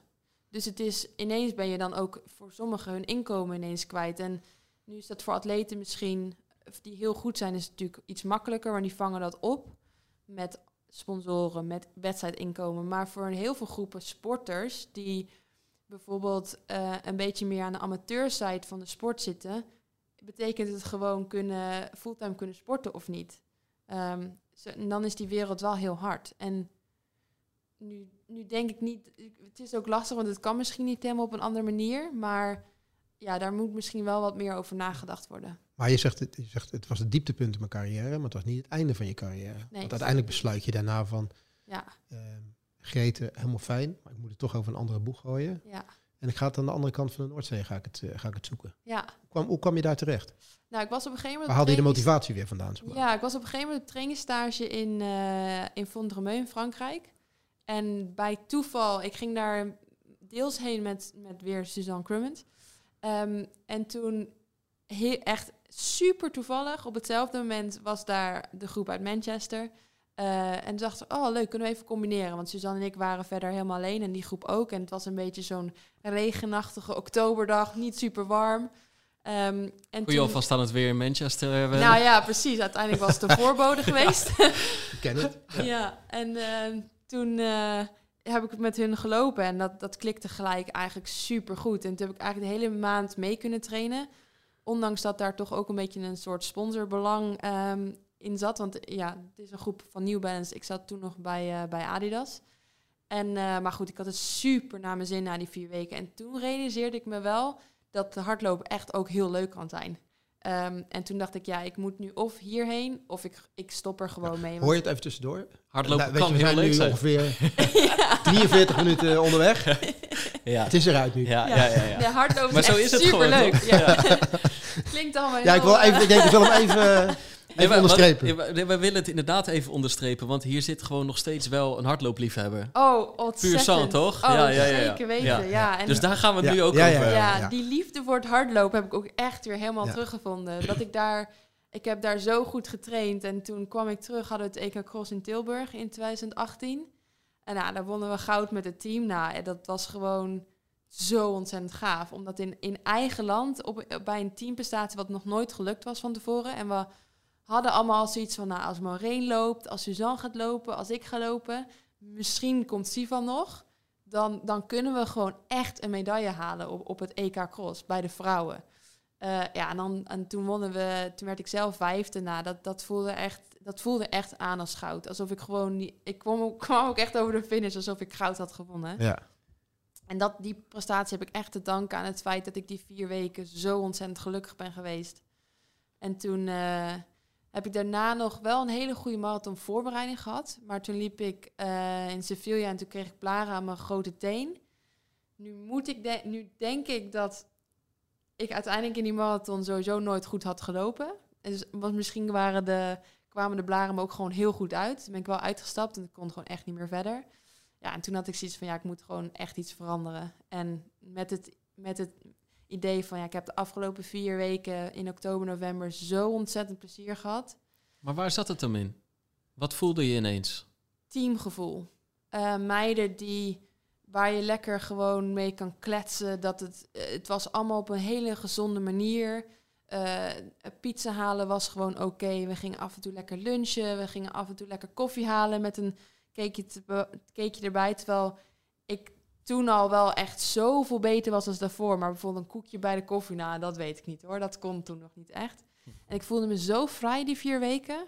En toen merkte ik wel van, oh ja, als ik, als ik echt door wil gaan nog een aantal jaar, dan moet ik het gewoon over een andere boeg gooien. En dan, dan toen sprak ik met, toen kwamen een aantal lopers van het team kwamen naar Alphen. Die zouden daar de 20 kilometer lopen. En toen heb ik een gesprek gehad met Steve. En toen was het echt voor mij van, ja, dit is het gewoon. Steve was de coach daar. Ja, Steve Ja. Maar, maar heel eventjes, Ja, in één keer wordt er marathon geroepen en zo. Je bent in één keer van baanatleten. ja, Ben ja je, die overgang ben je marathonloopster geworden? Waar, Ja. waar, is, waar is dat? En want dat is nog, dat, dat, Ja. daar gaat ook nog wel wat in vooraf, toch? Je, komt Ja, niet, je gaat niet zomaar... had sowieso eigenlijk al vanaf het begin van mijn carrière heb ik eigenlijk altijd wel geroepen van de Olympische marathon, dat is echt waar ik het voor doe. Dus na 2016 en na het skippen van het baanseizoen in 2017, eh nou, de halve marathon ging dus goed. Ik liep 1.11. Dacht ik, nou, Geet en ik waren allebei wel zoiets van, ja, we moeten gewoon voor de, als we willen plaatsen voor Olympische marathon in 2020, moeten we nu al die overstap maken. Want het duurt soms gewoon eventjes voordat je de marathon onder de knie hebt. Ja, iedereen kan daar denk ik wel, die marathon heeft gelopen, kan daar wel beamen dat het is niet een ding dat je in één keer leert. Dus Ik heb hem nog steeds niet helemaal door, geloof ik. Nee, precies. Misschien, misschien, leert, misschien leert zelfs Elliot Kipchoge nog eh, van zijn marathons. Ja. Dus eh, in die zin, ehm, ja, dat, dat duurt gewoon even. Dus ik heb wel echt bewust de keuze gemaakt van oké, we gaan nu nog mijn eerste marathon doen en dan ja, kijken wat eruit rolt. En eh, dus toen heb ik al echt bewust de keuze gemaakt van oké, ik ga nu wel echt de overstap maken. Met het idee van ja, die Olympische marathon, dat is het. Ehm, ja, het werd dus eigenlijk een beetje een deceptie. Want ik denk eigenlijk als we dan teruggaan naar druk op jezelf leggen. Ik, waar ik misschien beter had kunnen zeggen van loop gewoon je eerste marathon en zie hoe het is. Had ik zoiets van, nou ik ben zo goed in vorm. Ja, ik werd vijfde op het EK Cross en training gingen mega goed. Dus ik denk, ja nee, ik wil gewoon onder de 2 uur 28 debuteren. Ja, daar, daar heb ik me gewoon mezelf een beetje onnodig En waar debuteerde je? eh Sevilla. Sevilla, ja. ja. In 2000, ik denk dat het 2019 is geweest. En toen heb ik uiteindelijk onder Steve. In 2020 zijn we teruggegaan naar Sevilla. Ja. En toen heb ik mijn debuut, eh, toen heb ik hem uitgelopen. Ja, 2,33 uit mijn hoofd. ja 233, 34. Ja. Ja, maar die eerste keer liep je hem niet uit, want je bleef een beetje bij dat hangen. Weet je, waar, Ja, waar, waar, waar liep je? 25 kilometer ben ik uiteindelijk uitgestapt. Ja, Maar je, je zei je wist al een beetje van tevoren, het zat niet helemaal goed. ja dat, eh, precies. Ik voelde me... De blaren kwamen me niet verkeerd uit. De Nee. blaren komen je altijd verkeerd uit. Nou, toch? dat sowieso. Ja. Maar ik had daarvoor al een beetje dat het... eh, het- ik, Bart van Nuenen was toen echt super, echt super tof. Was helemaal naar Sevilla gevlogen om met mij daar... Ook om, om mij te hazen. En ik merkte al eigenlijk na, na 10 kilometer ging nog wel oké. echt super op schema. En toen 20 kilometer was ik al een beetje weggezakt. En ja, ik, voel, ik voelde me al niet super goed. En toen kwamen die blaren erbij. Dus ik denk dat de blaren een beetje een Ja. een soort tweede factor waren die uiteindelijk een beetje de doorslag heb gegeven. Achteraf ben ik echt op het slechtste moment in het parcours uitgestapt, want het was het verste van de finish. dus toen hebben zijn mijn ouders, die waren in Sevilla, die zijn helemaal op de fiets zijn ze naar ons toegekomen. Dus ik moest met een, met een telefoon van iemand bellen naar mijn ouders om ons te komen ophalen. Ehm, dus ja, wat een verhaal. Toen zijn we achter op de fiets weer teruggebracht naar de finish. Altijd uitstappen bij metrostation, Jip. Ja, het is echt... Nee, maar uitstappen is een ding ook, hè? Ja. Weet Is, je? is, ik had ze nog nooit uitgestapt. Nee, dat bedoel ik. Weet je, Ja. wat, wat eh, Ja, waar, waar ons, weet je, dit gewoon, ik, ik vind uitstappen altijd gewoon echt, ja, dat, dat doe Nou ja, je altijd- wil je niet. Nee, we je, zeggen is- altijd, ja, maar eigenlijk altijd, gebeurt het je je één of Ja, twee dat- keer Ja. in Precies 20 wat- jaar hardlopen. ja, de precies, wat je eerste niet- keer en was ook de laatste keer. Ja, Ja. Want Ja. ik voelde me daarna nog slechter. Want ja, ik denk, ja, voor mij uitstappen is gewoon echt, dat kwam echt nog, dat was nog nooit in me opgekomen in een wedstrijd om uit te stappen. Nee, daarom. Ja. Maar met de marathon is het natuurlijk wel iets anders. Dat ik, ik zat dus heel erg in mijn hoofd van, ja, als ik nu niet uitstap en ik loop de hele marathon met deze blaren, dan wellicht krijg ik dan wel echt andere blessures. Want ik kon niet echt normaal meer, meer afwikkelen. En dan, dan zit toch misschien in je achterhoofd van ja, want het was in februari, misschien kan ik dan nog een najaar of een voorjaarsmarathon Ja. doen. Dat is je half april. Maar mentaal natuurlijk wel enorm gegroeid. Want ik bedoel, Ja, op je achttiende zou je voor een paar blaren niet meer zou je niet uitstappen. Want Oh, je, bent, je nee, ging toen zo ver en zo diep ten opzichte van Ja. alles. En nu heb je een paar Oh, blaren en zeg je van, weet het, gelopen. ik ben verstandig en ik, eh, ik stap ja ik stap uit. Toch met het idee van ja, misschien kan ik dan nog een najaars eh, of een Dus aan de andere doen. kant kan je dat ook wel, hè, is het ook Ja. wel dat je het vermogen hebt om op dat moment een hele verstandige maken. beslissing te maken. Ja. Ja, zeker. Ja. Ja. Maar het, ja, uitstappen voelt heel raar. Ja. Dus ja, en, maar het gekke is dat daar wordt ook niet echt over nagedacht in een marathon. Van ja, als je- dan uitstapt, ja, wat doe je dan? Ja, ik wist het niet, want ja, dat was nooit in me opgekomen. Dat, dat, dat maak ik geen plan voor. Eh, ja, dus ik werd uiteindelijk op, door mijn ouders opgehaald, achter op de fiets. Maar dat was niet echt een busje of zo. Wij zeggen in Nee. Rotterdam altijd van eh, tegen, tegen hazen of, of atleten die uitstappen. Weet je, hopen dat je niet overkomt. Als je uitstapt, blijf op parcours. Rijdt een Ja. busje achter, pikt je op en die brengt je weer rustig naar de Nou, start. dacht ik, ik heb één keer gehaast in Londen Marathon. En eh, toen dacht ik ook, ja, dat hadden ze ook gezegd. Ja, er komt een busje. Maar dat busje kwam dus kwam- nooit. dus uiteindelijk, een uur later, eh, kwam er ergens een keer... stond ik bij een EHBO-post, want ik had mega koud. Ja. Eh, want ja, je staat daar in je singletje echt compleet nat van het zweet. Dat ik ook dacht, nou, dit doe ik nooit meer. echt. Ja, maar goed, dus daar, daar had ik niet over nagedacht, nee. Maar uiteindelijk was het goed gekomen. Mijn ouders waren er gelukkig, ja. Maar goed, het was even een Zit- uit- Zit je daar achter op de fiets? Ja, ja, ja, ja, ja. Het was even een uitstapje Hele- na het uitstappen, maar je bent weer teruggekomen in Sevilla. Ja, het grappige... Nou, het is grappig. Maar eh, mijn coach had het idee van... Nou, sowieso Sevilla is gewoon een super mooi parcours. Het is hartstikke snel. Qua tijd van het jaar komt, kwam het eigenlijk toen ook wel mooi uit. En hij zegt, nou ja, als je af wil rekenen met de demonen uit je verleden... dan gaan we Sevilla weer doen. en eh, een van mijn andere team, een teamgenoot, Johnny Meller, deed ook Sevilla. En eh, hij zei, nou, dan gaan we daar samen dan voor trainen. Eigenlijk was het plan dat jaar om Valencia te doen. Maar ik, eh, heel bizar, scheurde een scheenbeenspier in. Ja, het is echt hoe ik dat gedaan heb, weet ik ook niet. Maar goed. Dat heb ik ook echt nog nooit gehoord. Nee, eigenlijk. nou ja, ik heb echt hele rare blessures gehad in mijn carrière. Kijk, gebroken scheenbenen bij voetballers, Ja. omdat ze geen... Een scheenbeenspier, eh, precies, en. Of, of shinsplints, eh, Ja, nee, zeer bekend. echt een, maar, een scheurtje ja. in mijn En scheenbeen. dat is ook iets wat je abrupt merkte of wat is iets langzaam Eh, ontstaan? ja, het voelde wel, eh, wel vrij pijnlijk heel snel. Ja. Ehm, maar ja, heel bizar. Dus toen heb ik Valencia dus overgeslagen. Toen, maar goed, dan zit je al zo'n end in die training. Toen wilden we eigenlijk Ja, gewoon want Valencia is december, en december, precies, februari. februari. Dus dat is maar drie maandjes later. Dus toen zeiden we echt van, nou, dan is, komt Sevilla wel als, als, goede, als goed plan B. Ehm, en hij zei, ja, dan kan je afrekenen met de demonen uit je verleden. ik heb ook echt bewust meegemaakt hoe ik langs dat punt kwam... waar ik op een stoepje had gezeten toen ik was uitgestapt. toen ging ik op een gegeven moment zo'n bocht en dacht ik, hier was het. Wauw, wat heb ik Ja. een beetje in dit jaar zo gegroeid... dat ik hier nu wel loop en ik ga naar de finish. Ehm, Ik hoef mijn ouders niet te bellen. ik hoef mijn ouders niet te bellen, was maar goed ook, want die waren er keer niet. Ik weet niet of dat bewust was en die dacht toen, nou, misschien maar even niet.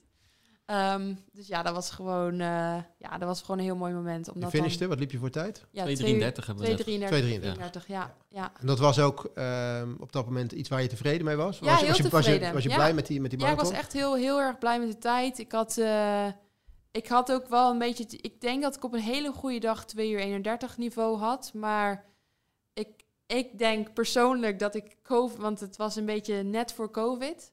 Ik had op de vrijdag ervoor ontzettend hoge koorts. Ehm, de, op de zaterdag kon ik nauwelijks ademhalen en was ik echt alleen maar aan het hoesten. Echt, ik, ik- wat dat betreft had ik echt medelijden met het eh, meisje waarmee ik eh, een kamer moest delen. Ehm, en toen kwam ik thuis. En toen heb ik een, nou, je loopt natuurlijk een paar dagen niet. En toen ging ik voor het eerste keer weer wat rustig op, eh, wat starten. En denk, nou, dan doe ik 10 minuten rennen en een minuutje wandelen. Nou, ik was echt compleet, eh, ja, voelde me niet goed. Ik kon eigenlijk nauwelijks nog ademhalen. Dus ik denk echt achteraf dat ik die marathon heb gelopen met, met corona. Maar dat we dat toen natuurlijk nog helemaal niet wisten. Want ik weet dat ik toen na die marathon thuis was en bij op één zat. En dat we daarover de eerste ja, gevallen in Nederland hadden. En toen, en toen En ik dacht jij daar de- al een beetje zo, jij op die zo taal- te, te hoesten zo eh, buiten, buiten beeld. Ik zeg even niks. Nee. Ehm, eh, dus achteraf denk ik dat ik corona heb gehad. Dus ik denk, ja, ik denk dat daar wel iets meer in had gezeten. Maar ja, ik was gewoon super blij. Ik had alles uitgehaald wat ik op die dag in me Ja. had. En eh, volgens mij heb ik nog gezwaaid naar mijn coach op 41 kilometer. Maar je was daar al wat realistischer, want je zei een poosje terug van ik wil, wil Ja. debuut maken in 228 Ja. en je was blij met 233. Ja, nee, ik was, heel ik was super realistisch bij die. Want ook omdat ik die blessure had gehad eh, een paar maanden daarvoor, waardoor ik Valencia niet kon, had ik ook echt een mega korte opbouw. Ik ben in januari echt begonnen met trainen. Ik liep in februari de marathon. Dus eh, ja, super korte opbouw, weinig kilometers gemaakt in verhouding. Ehm, dus eigenlijk was ik, eh, was ik eigenlijk gewoon heel tevreden. Ja. Hey, ik zie helemaal eh, geen eh, persoon die, die denkt van had ik maar dit of had ik maar Oh, dat. nee, Of, nee. maar, maar toch, jij, jij hebt jaren eigenlijk van die marathon gedroomd. ja, En heb je eigenlijk weinig pogingen erop gedaan. ja. Is dat, knelt dat nog ergens? Wringt dat nog ergens? Nee, want ik denk eigenlijk, als ik dan heel eerlijk terugkijk, Ja. dat ik de training voor de marathon eigenlijk helemaal niet zo heel leuk vond. Nee? Ja, misschien is dat de druk die ik mezelf heb opgelegd al die jaren door te zeggen van ik wil die marathon, dat is mijn hoofddoel. Misschien is dat het. Maar ehm, ja, ik, ik, als ik nu terugkijk, denk ik ja, mijn leukste toernooien waren gewoon echt de, baan, de baantoernooien. De vijf kilometer, de drie kilometer indoor. Ehm, dus ja, eigenlijk he- heb ik van die marathon wel op zich heel erg genoten. Maar ik dacht wel, elke keer dan ging ik weer opnieuw voor de marathon trainen. Denk ik, oh, daar heb ik eigenlijk helemaal niet zo zin in. een beetje, voor, je- je een beetje saai, omdat het gewoon... Saai, ja. maar Er wordt natuurlijk, het is, je moet natuurlijk heel veel geduld hebben. Je ja, moet het is niet, twaalf weken. Nou ja, ik vond het sowieso al heel lastig om twaalf weken blessurevrij te blijven. Misschien is dat ook wel een beetje een dingetje geweest. Ehm, ja, het vergt, gewoon, het vergt gewoon echt heel veel van je lichaam. Ja. En, en ik denk dat daarom ook wel de keuze is. Want ik had nu, nadat ik twee keer mijn Achillespees had ingescheurd, was ik wel heel realistisch. Dacht ik, de baan zit er echt niet meer in. Ik denk dat mijn lichaam dat echt niet meer kan. Maar dan begon ik wel te twijfelen ja, toen was ik weer begonnen. Ik zou dit jaar Kopenhagen doen in mei. Trainingen gingen op trainingsstage heel goed, kon me goed inhouden. Ehm, maar ik merkte wel dat ik niet het aantal kilometers kon lopen dat ik weet dat nodig is om een 2 uur 25 te lopen. Nou, liep ik in, janu in februari liep ik eh 10 kilometer van school, liep ik 33,30. Ik was daar eigenlijk heel erg tevreden mee. Ik denk, nou, ik sta in een, ik sta in een goed, dit is een goed, goede uitvalsbasis. Maar wat ik me wel realiseerde van ja, 33,30 is leuk, maar daar hoef ik geen professioneel atleet voor te zijn om dat te kunnen doen. Daar kan ik ook fulltime bij werken. Ja. En ik denk dat daar ook wel een deel van mijn keuze vandaan kwam van ja, maar ik wil harder dan 33,30 lopen. Ik wil weer richting de 31 minuten lopen. En ja, daar had ik wel echt mijn twijfels of ik dat nog het aantal trainingsuren kon maken op- lopend om dat te bereiken. En voor mij is het wel alles of niets. Want, want hoe, hoeveel is dat in jouw hoofd? Jij zei, ik, ik weet hoeveel kilometers er nodig is voor 2,25. Ja, precies. Nou, hoeveel is dat in jouw ogen? De laatste, het laatste jaar mm, bijna niet meer over de 100 kilometer heen.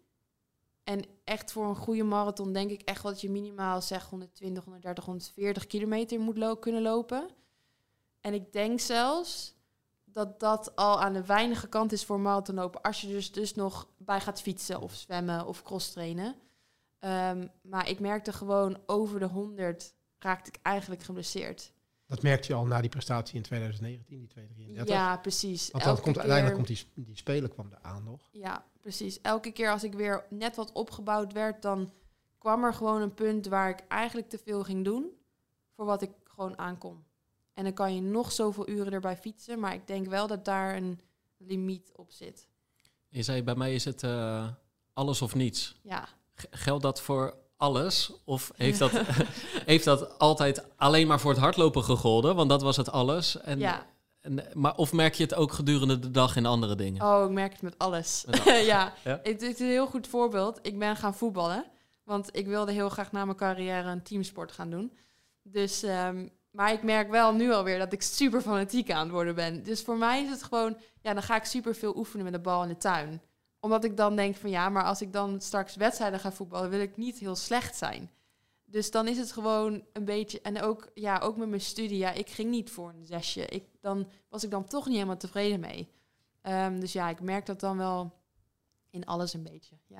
We gaan even een sprongetje maken, denk ik. Want uh, uh, dus, dus in mei zou je Kopenhagen lopen, maar Ja. die 33-30, dat is dan weer zo'n moment dat je Ja. weer bij zinnen komt en gaat reflecteren.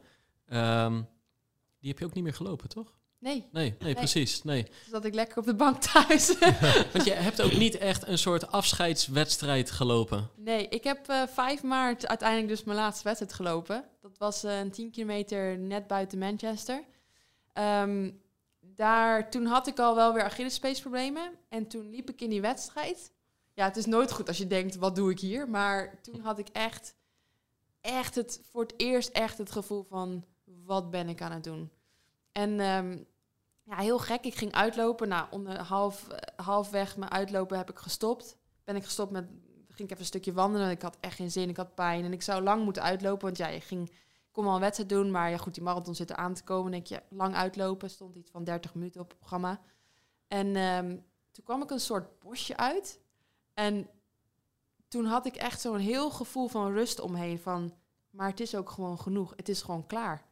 En dat, uiteindelijk is dat de laatste wedstrijd geweest die ik heb gelopen. Wat super raar is, maar ook wel heel mooi. Want ik, had, ik kwam dat bos uit en denk, ja, het is ook gewoon genoeg. En die wedstrijd ging niet lekker? Of, nee, die eh, wedstrijd ging helemaal niet goed. Nee, ik, ik- uiteindelijk eh, ben ik vrij snel gestart, maar ik denk dat ik... Nou, ik liep iets in de 34 minuten. En ik ben eigenlijk in marathon tempo lekker naar de finish gejogd.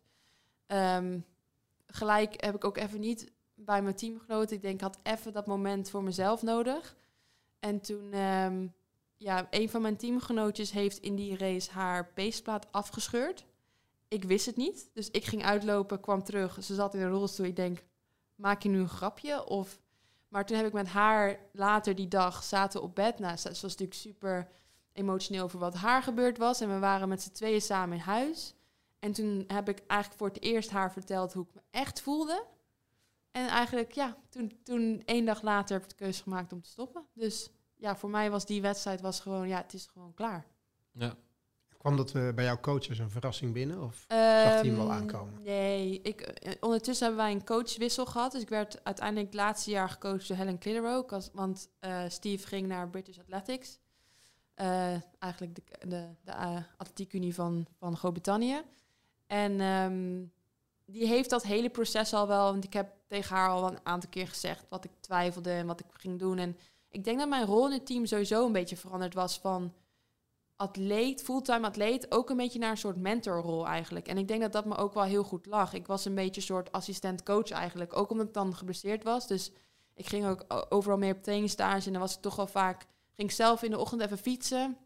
En dan ging ik daarna mee helpen coachen, mensen met mensen mee fietsen, bidonnetjes doen. Eh, ja, toch een beetje een soort mentorrol eigenlijk kreeg ik binnen het team. En dat lag me eigenlijk ook wel heel goed. Dat is wel leuk dat ik het laatste jaar zo gedaan heb. Eh, dus in die zin denk ik niet dat het voor haar echt als een verrassing kwam. Nee. nee. Hey, en wat doe je nu? Want je bent geen eh, eh, topsporter meer. Nee. Je, je bent geen psycholoog. Nou, ik ben wel. Ik, Of je bent- ja, Op papier wel, op papier maar wel. Ja. in uitvoering ben, niet. Ik ben in januari afgestudeerd. Ja. Ehm, heb ik mijn bachelor gehaald. Dus op zich, ja, daar kan je nog niet heel veel mee binnen psychologie. Maar ehm, in januari, heb ik na tien jaar psychologie studeren, heb ik mijn bachelor in de pocket. Ehm, dus ik heb komende maand heb ik eh, mijn diploma-uitreiking. Ja, ik ben echt heel trots op. maar ehm, ja, je doet er niet wat mee op het moment. En waarschijnlijk in de nabije toekomst ook, niet, toch? Nee, precies. Ik wil, eh, mijn droom is eigenlijk om bij de politie binnen te komen op de HBO-opleiding. Alleen de politie heeft dus, hun, dus de opleiding een beetje vernieuwd. Dus de selectie is eind dit jaar. Ja, dat is echt mijn droom. Ehm, en die droom is er eigenlijk al een heel aantal jaar. En ik, die, die, die droom werd ook wel steeds groter. En op een gegeven moment merkte ik van... ah, die droom is eigenlijk groter dan nog een marathon te lopen, bijvoorbeeld. Ehm, dus ik had eigenlijk een beetje een tussenoplossing nodig. Dus ik ben bij Run Today begonnen in Hilversum. Toevallig ken ik de baas al, waren buren. Dus eh, ik, ik kwam terug van trainingstage. Je wist op- wat van hardlopen ook en van schoenen. Ja, een klein beetje. Beetje. Ja. Klein beetje. dus ik kwam op donderdag terug van trainingstage in Zwitserland. En eh, ik appje stuurde. Ik zei, ah, heb je, weet je, heb je nog mensen nodig? Hij zei, nou, eigenlijk niet, maar kom maar langs. Dan, eh, dan praten we even over. Nou, dat was een dag later. En nog weer een dag later was ik aan het werk. Dus eh, ja, dat is super fijn natuurlijk. Want ik ben dus geen persoon om op mijn kont te zitten en helemaal niks te doen. Ik ben echt... Dat is ook een beetje mijn valkuil. Want mijn manager Jure van der Wel zei wel van... Ja, zorg nou dat je niet gelijk weer in iets terechtkomt dat al je energie eh, vraagt. Want je, het is ook wel even goed om even wat minder te doen. Ehm, dus dat heb ik wel even goed in mijn oor geknoopt. Dus ik Hm. werk ook niet fulltime in die zin. Ehm, maar het is wel een super lekker overgangsfase van toch even te kijken van oké, waar, waar, ga ik, waar ga ik heen? Waar wil ik wonen? Waar... Want ja, je hele sociale leven zit in Engeland na vier jaar. Het is heel gek dat je dan komt terug naar Nederland en denk je ja, maar sowieso vriendinnen of sociale leven hier zit verspreid over heel Nederland. Want dat is opgebouwd tijdens een topsportcarrière. En mijn andere sociale leven, echt, echt hechte vrienden, die zitten aan de andere kant van Noordzee. Eh, zitten op een uur vliegen. Dus eh, ja, dan, toen realiseerde ik me wel, oh ja, dat moet je wel weer opnieuw opbouwen.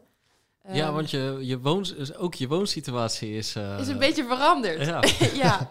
ja, ik ben weer terug bij mijn ouders in Loosdrecht. Ik ben, waar ik zei al, ik ben echt super dankbaar dat dat gewoon een optie is. Want ja, er zijn ook mensen die bijvoorbeeld niet terug kunnen naar ouders. Maar als die, voor iemand die op haar 16 uit huis is gegaan... en op 29 e weer terug naar huis gaat... is dat wel, ja, het is wel weer even, Even omschakelen. Ja. En ik denk voor je ouders ook even Oeh, omschakelen. dat denk ik ook, ja. ja ze, uiteindelijk ging mijn broertje vier dagen eerder ging uit huis. En toen kwam de andere dochter weer in huis. Dus ze hebben echt kunnen genieten van vier dagen rust. Zijn er al, eh, hebben er al botsingen plaatsgevonden? Nou, het valt eigenlijk nog wel mee. Ik, ik denk dat ik zelf wel... Ik ben wel super makkelijk in die zin... ehm, als er wat dingen gebeuren, dan denk ik... eh, hou ik gewoon even mijn mond, loop ik naar boven en dan is het ook klaar. En eh, ja, uiteindelijk woon je met drie volwassenen huis. Er is gelukkig genoeg ruimte. Ja. Er is genoeg plekken om lekker te fietsen, om te hardlopen. Dus eh, ja, in die zin eh, komt het wel goed, denk ik. Ja. Maar je bent denk ik wel op zoek naar... Ja, zeker. Dus als iemand nog opties heeft in de, in, de, in de omgeving van Utrecht, dan hou ik me bij deze aanbevolen. Ja. Ja, dat is toch wel een beetje de hoek waar ik een beetje naartoe wil. Dus daar zou ik ook het liefst willen werken. Een beetje richting de stad, maar dichtbij, dichtbij waar ik vandaan kom, wat natuurlijk fijn is. Dus eh, ja, dat is een beetje waar ik, eh, waar ik naartoe wil. En nooit, nooit in Engeland willen blijven hangen. Want je vertelt, je vertelt net ook van eh, naast dat je dit Ja. werk doet, doe je, ook, doe je ook wel een coaching. Ja, klopt. Online coaching. Je, Ja. je, je, je begeleidt een dertigtal atleten, zo'n beetje zei je. Maar voornamelijk Engelse atleten. Ja, ik heb eigenlijk nog maar net mijn eerste atleet in Nederland ben ik gaan coachen. Ehm, ik had eigenlijk gedacht tot drie maanden geleden dat ik nooit meer terug zou komen naar Nederland. Zo, dat is wel een beetje om aan te geven hoe erg ik het naar mijn zin had in Engeland. Nu is het wel zo dat ik ook wel merkte. eh, ik heb vorig jaar in 2022 is mijn neefje, of 2021 heb ik een neefje gekregen. Ehm, wat familie, hoe belangrijk familie het is en hoe fijn het is om weer dicht bij je familie te zijn. En kijk, vrienden en sociaal leven kan je overal wel opbouwen, maar je familie blijft wel je familie. En ik dacht wel van ja, nou ja, stel dat mijn ouders ouder worden en ze hebben hulp nodig, ja, dan zit je in Engeland wel ver weg. En het is niet zo dat, dat ik daarvoor terug ben gekomen, maar ik merkte wel dat nu, zeker nu ik dan de keuze gemaakt had om te stoppen, denk ik ja, uiteindelijk ben ik daar ook om te lopen. Ik had er echt super graag gebleven.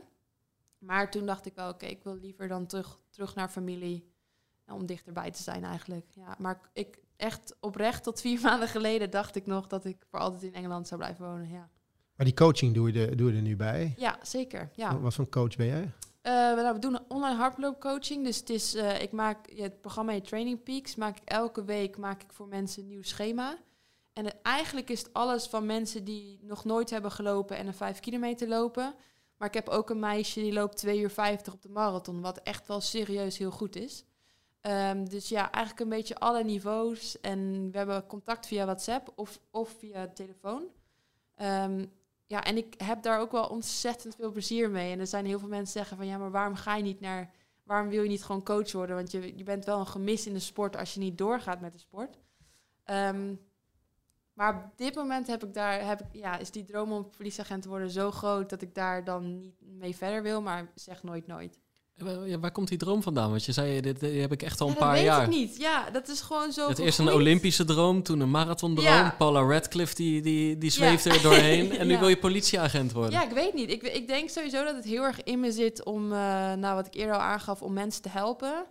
Ik hou heel erg van actie. Ik wil gewoon bezig zijn de hele dag. Het liefst loop ik, eh, ja, ben ik de hele dag op sleeptouw.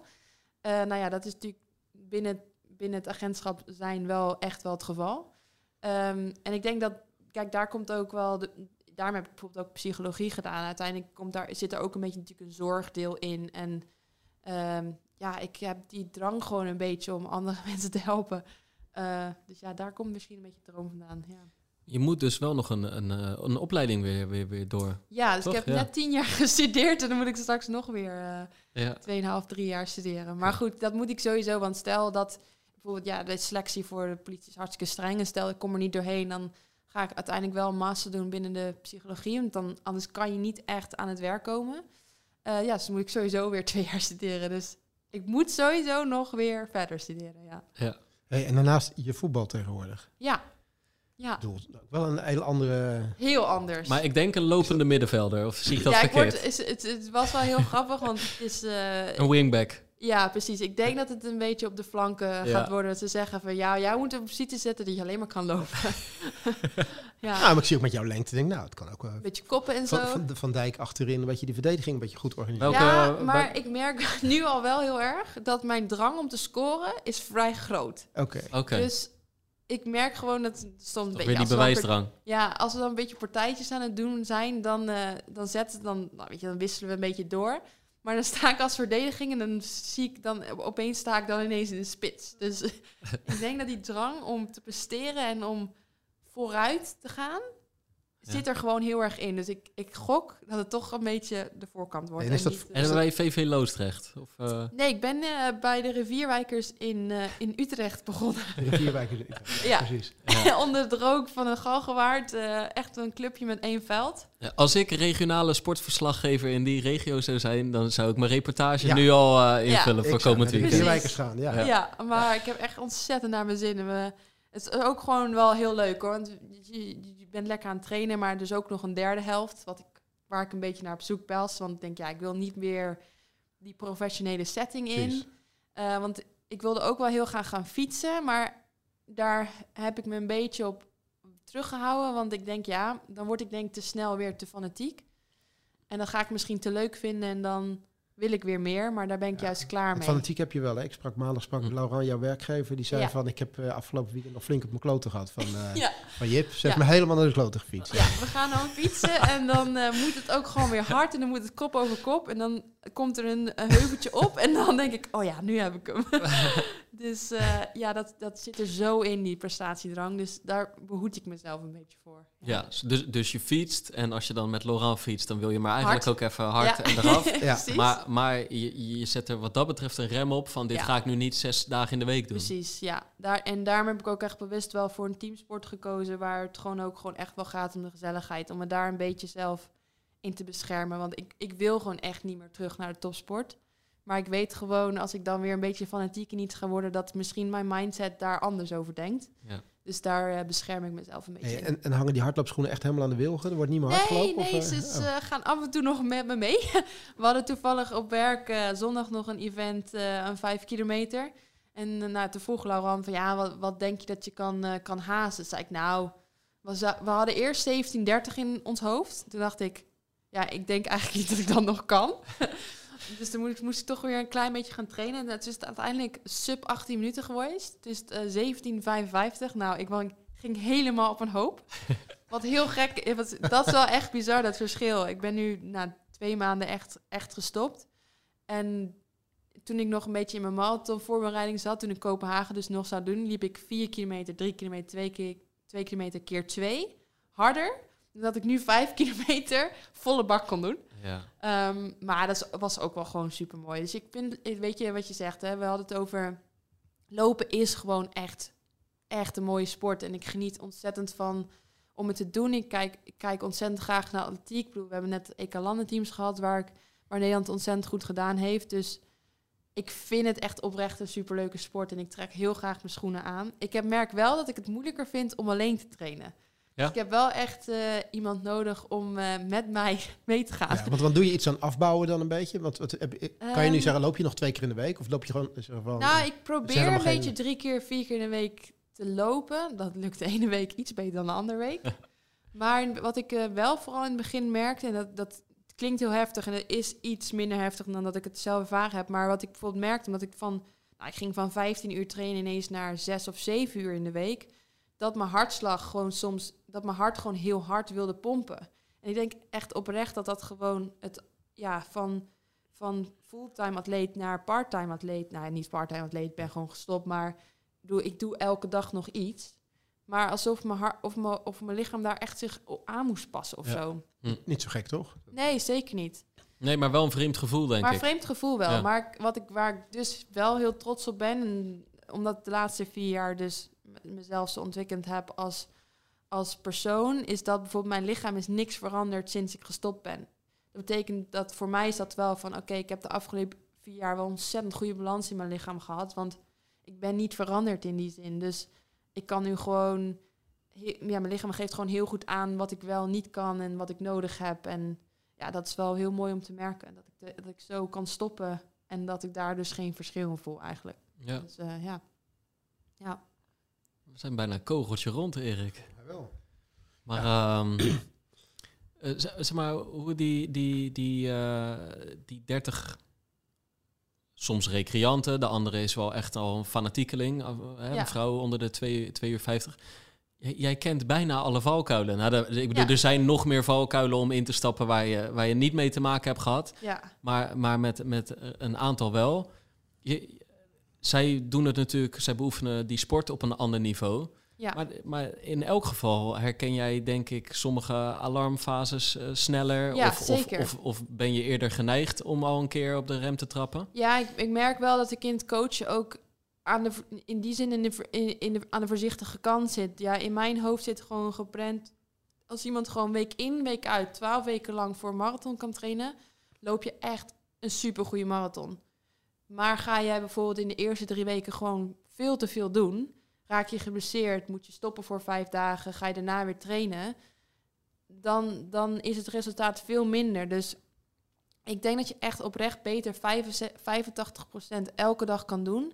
In plaats van 105% dag in dag uit. En dan op een gegeven moment gewoon va- na vier, vijf weken of uitgeblust zijn. Of het niet meer kunnen opbrengen of geblesseerd. En 0% kunnen brengen. Precies. En, Ja. en mensen die voor, zeker mensen die voor een marathon willen gaan trainen.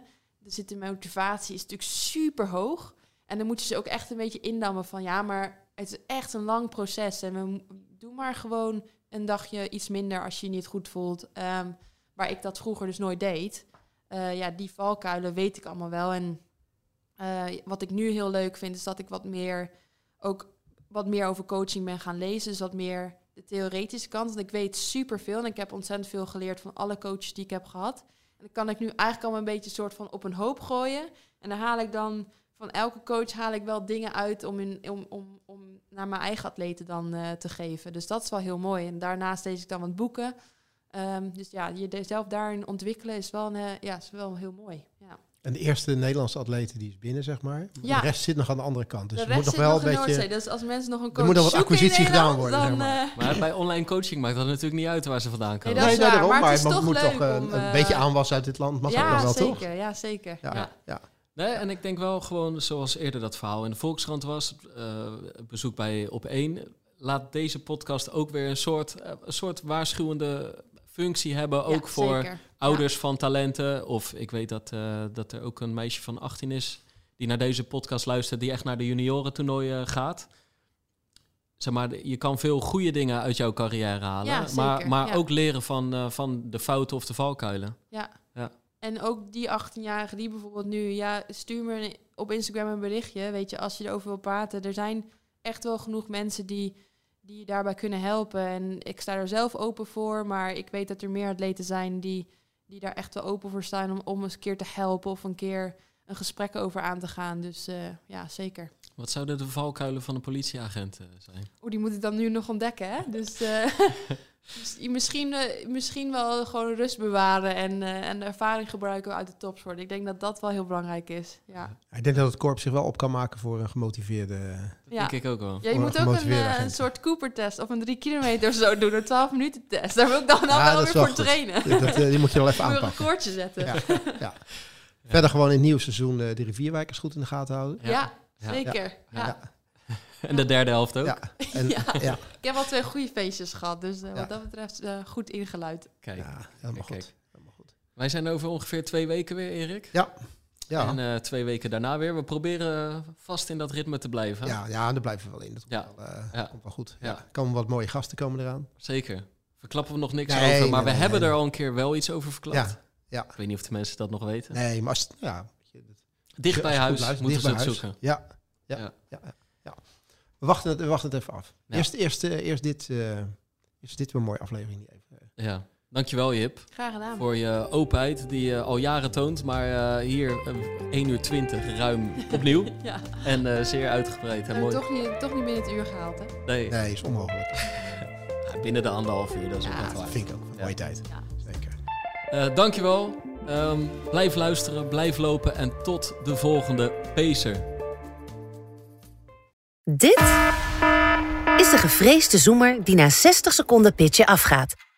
Lukt het startende ondernemers om binnen deze tijd hun businessidee uit te leggen aan een vakkundige jury? Welkom op de stip. Ben je er klaar voor om jouw pitch te gaan geven? As ready as can be, ja. Ik ben er klaar voor. Denk het wel. Ik, Fabienne de Vries, neem jou mee in Droomstart. Die klok maakt je wel zenuwachtig. Een unieke podcastserie van de ondernemer waarin we ambitieuze Nederlanders volgen bij het starten van hun eigen onderneming. Ik kan me niet voorstellen dat iemand hier komt. Ik ben beter dan Google. Maar wat ik wel weet, is dat zij het niet doen. En jij bent erbij. Vanaf die eerste spannende pitch tot aan de meest cruciale momenten van hun weg naar succes. Ik heb nooit geleerd om te zeggen van, eh, oh, ik ben het waard. Volg Droomstart in je favoriete podcast-app en mis niets van dit unieke kijkje achter de schermen. Droomstart is een initiatief van de ondernemer en podcastbureau As We Speak. Wie kiosk zegt, zegt leesdeals. Van de Volkskrant tot Libellen en het AD tot Autoweek. Kies nu een abonnement dat bij jou past op kiosk.nl/slash deal.